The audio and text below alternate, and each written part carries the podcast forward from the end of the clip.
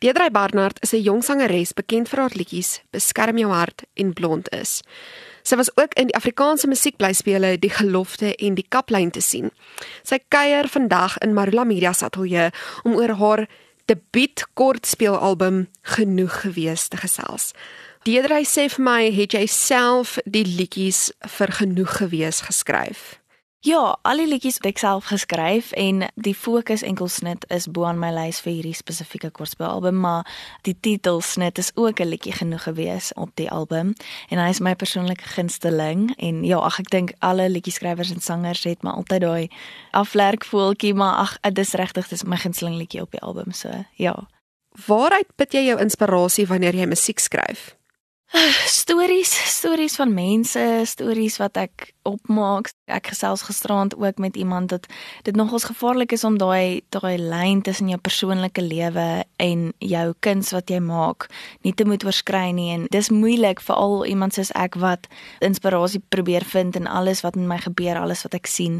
Dis wie ek is. Ek is 'n storieverteller, so ek put inspirasie uit enigiets om my uit.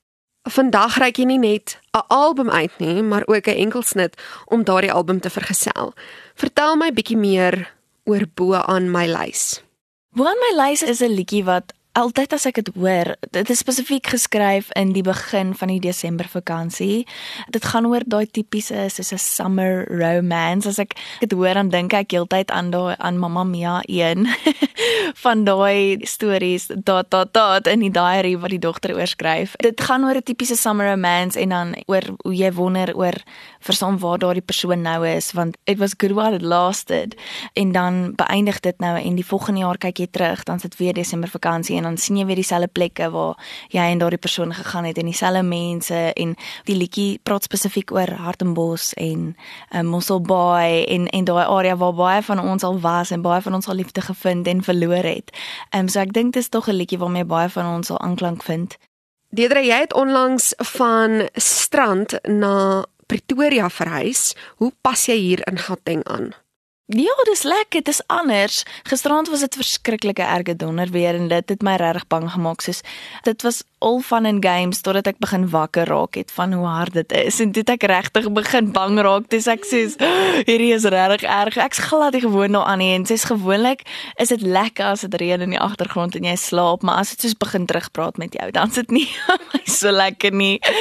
Ek pas andersins baie goed aan die mense is verskriklik gaaf en verwelkomend en lief, soos die mense mense is regtig lief vir mense en mense mense.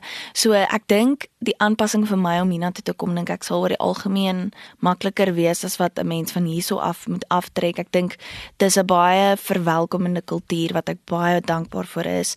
Maar ek is 'n familiemens, so ek mis die huis en ek mis die see en ek mis dit's maar net ek dink dis mense om wie jy groot geword het en tog mense wat nog steeds 'n baie groot insaag in jou lewe het en dan dis moeilik om hulle nie elke dag te sien nie want ek ek is maar 'n huisbaba. Ek is baie lief vir my ma, my pa en my boetie en ja, so en en omdat ek ook homeschool het, ek het in die huis gebly. So dit is 'n groot aanpassing, maar dit is lekker. Dis lekker. Dis maar lewe.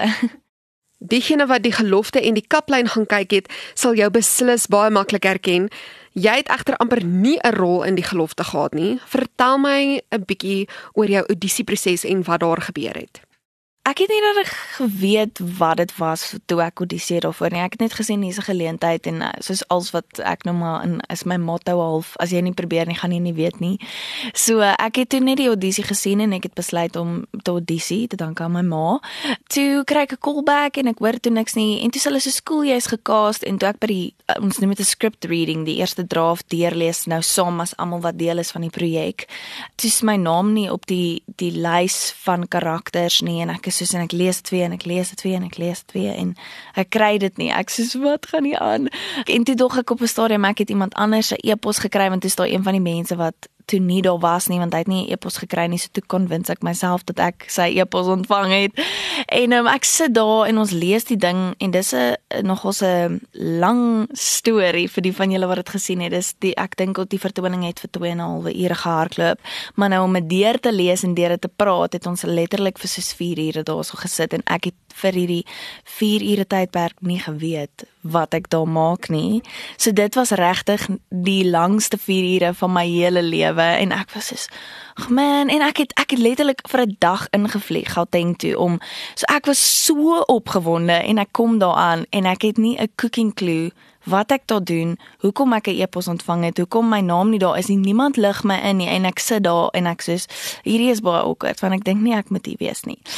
Toe na die tyd toe kom praat Jacominde weet met my en toe sê sy vir my: "Nee, sorry, hulle wou my nog inlig, maar hulle het nou net nie daarby uitgekom nie, maar hulle wil hê ek moet Pernice West se ander stadie wees vir die hoofrol en dan is daar miskien een van die meisies wat nie gaan kan deel vorm van die stuk nie en dan gaan ek op ander aande net instaan vir haar. So ek was eintlik maar net half daar gewees en eintlik hoekom hulle my daar wou gehad het, is hulle wil 'n meeting met my om te kyk of ek nie as 'n 'n solo kunstenaar vir hulle 'n aanwindsel wees by hulle maatskappy nie.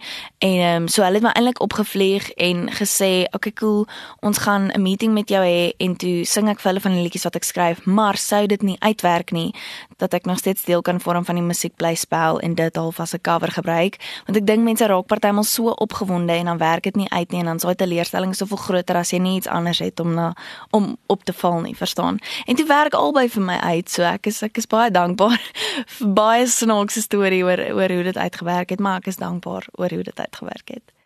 Hierdie musiekblyspele het 'n paar deure in die musiekbedryf vir jou oopgemaak. Wat is jou plan om hierheen te trek en dan amptelik met jou musiekloopbaan te begin? Nee, glad nie. Nie die trek gedeelte nie. Want dis nie soos 'n werk as jy 'n kontrak kry, dis nie soos 'n werk wat jy moet ingaan en jy het 'n is soos 'n seker hoeveelheid ure wat jy moet doen by die kantoor nie. Dis baie weird. Dis half soos jy het 'n kontrak en dan kyk skryf jy liedjies en jy pitch dit en jy kyk wat werk, verstaan? So dit kan 'n mens van van die huis af doen, maar die feit dat ek deel was van die gelofte en omdat ons 3 of 4 keer moes rerun in die teater en dit was verstaan vir lang tye op een. So ek het vir soos 3 maande hier gewees, 3 maande by die huis, 3 maande hier, 2 maande by die huis, 3 maande. So dit het vir my net ek het nie geweet ek het klere verloor, ek het stukke van myself verloor. Ek het nie geweet waar ek is nie want dit was so moeilik om op twee plekke op dieselfde tyd te bly dat ek net gedink het dit sal vir my beter wees om om op te trek en dit nou maar half ten volle te commit en half in faith te trek hiernatoe. So dit was nie aanvanklik deel van die plan nie, maar dit het half deel geword toe dit vir my so moeilik was om tussen die twee plekke te wees. Ja. Deedra, het jy gedink toe jy 'n paar jaar gelede met hierdie musiekreis begin het dat jy vandag met jou eie enkelsnit en debuutalbum sou sit? Ek het gehoop dit sou gebeur. Dit was nog altyd deel van die planne om eventually musiek uit te sit wat ek self geskryf het. Ehm um, so dit was nog altyd deel van die plan en ek het definitief gehoop, maar daar's maar altyd daai onsekerheid wat inskop wat 'n mens nie altyd weet wat die toekoms inhou nie, maar definitief dit was deel van die plan. Deedre, jy het aan die eerste seisoen van die kontrak deelgeneem toe jy maar 16 jaar oud was. Watter lesse het jy geleer om op so 'n vroue ouderdom die waters van die musiekbedryf te toets? Ek dink ek is baie bly ek het so vroeg besef dat die musiekbedryf Musiek is lekker die bedryf not always as much verstaan daar's baie goeters wat soos elke werk maar daar's goed wat mense van hou nie en goed wat jy nie wil doen nie maar wat it comes with the territory soos hulle sê. Um en ek bly ek het dit besef want ek het gedink as ek net my stem so goed as moontlik kan kry en my skryfwerk so goed as moontlik kan kry, verstaan, dan kan niks of niemand in my pad staan nie en ek glo nog steeds hard werk sal jou iewers bring, maar daar's baie ander obstacles wat deel vorm kunstenaar in die bedryf wees. Ehm um, soos ander mense wat hulle opinies oor jou lig, verstaan en almal gaan nie altyd hou van dit wat jy doen nie en ek was nog altyd 'n verskriklike groot people pleaser. So dit was vir my baie baie moeilik om te besef flip dit maar hierdie goed maak nie eintlik saak nie verstaan mense gaan of jy nou die beste sangeres is op aarde niemand almal gaan nie altyd van jou hou nie of jy nou die mooiste liedjies skryf almal gaan nie daarvan hou nie and you can't please everyone. So dis definitief 'n les wat ek bly as ek op 'n vroeë ouderdom besef het dat want ek het gedink die werk is net jy staan op jy sing 'n liedjie, verstaan en dit is wat dit is en dit dit's lekker, alles is lekker daarvan. So ek bly ek het besef dat daar nog baie groot word werk is vir my om te doen en ek moes 'n dikker vel kry om als te kan verteer, jy weet dit wat mense van jou sê en wat mense van jou dink.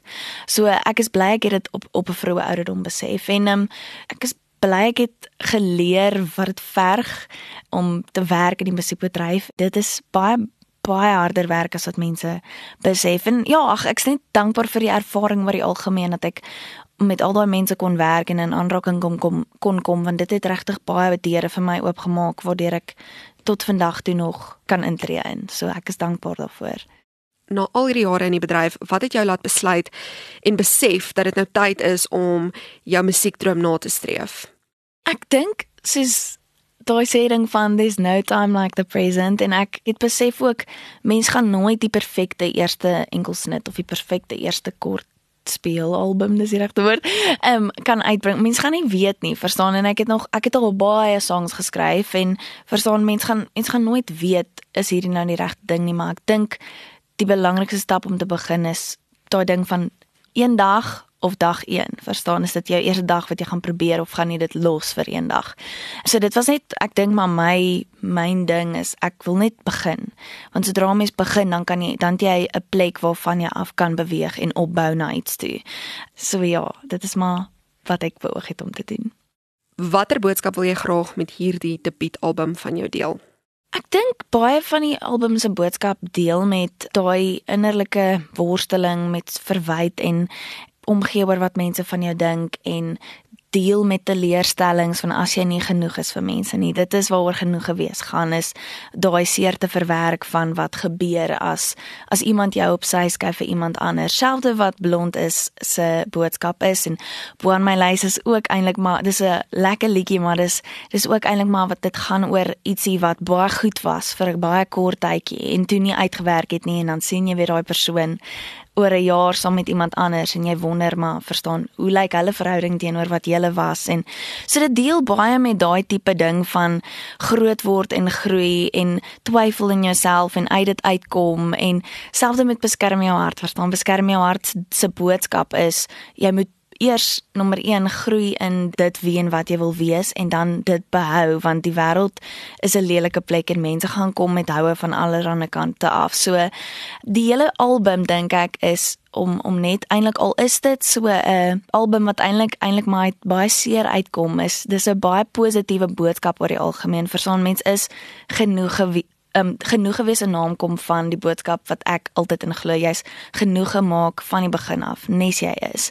En jy hoef niks te verander vir niemand of vir niks nie. Dit wat jy is was genoeg gewees en dit sal altyd wees. In die een se oë wat sal maak. As ek kon twee moes verduidelik in een woord sou ek sê ons is tydloos En in my soek en vrede en vreugde sou ek sê dit is een persoon. So nou kan jy my verwarring verstaan Toe ek een ander my siel langs jou sien staan. En jy het my hart en al sy bagasie vir jou gevat.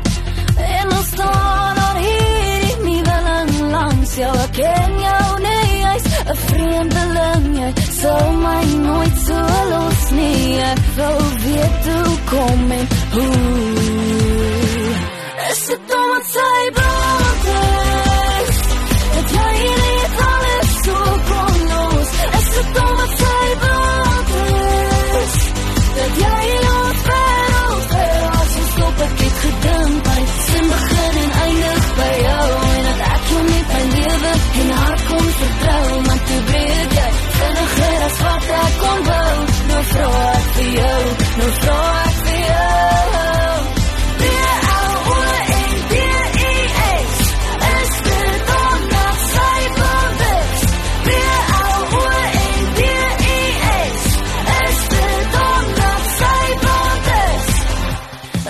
my kop draai na joune en jou sien klop my hart sommer vinniger Want ek het gedink jy is my vir ewig en altyd en alstussen en ons staan al hier in die willen langs jou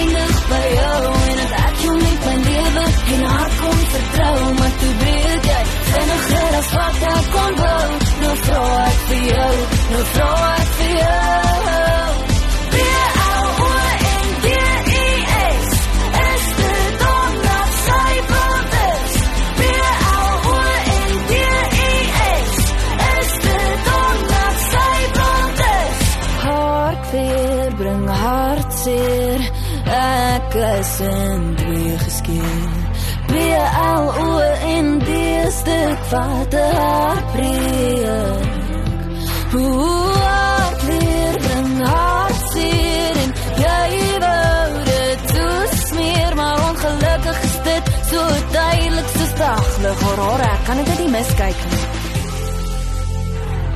Is dit omdat sy blond is? Dat jy net alles so kon los. Is dit omdat sy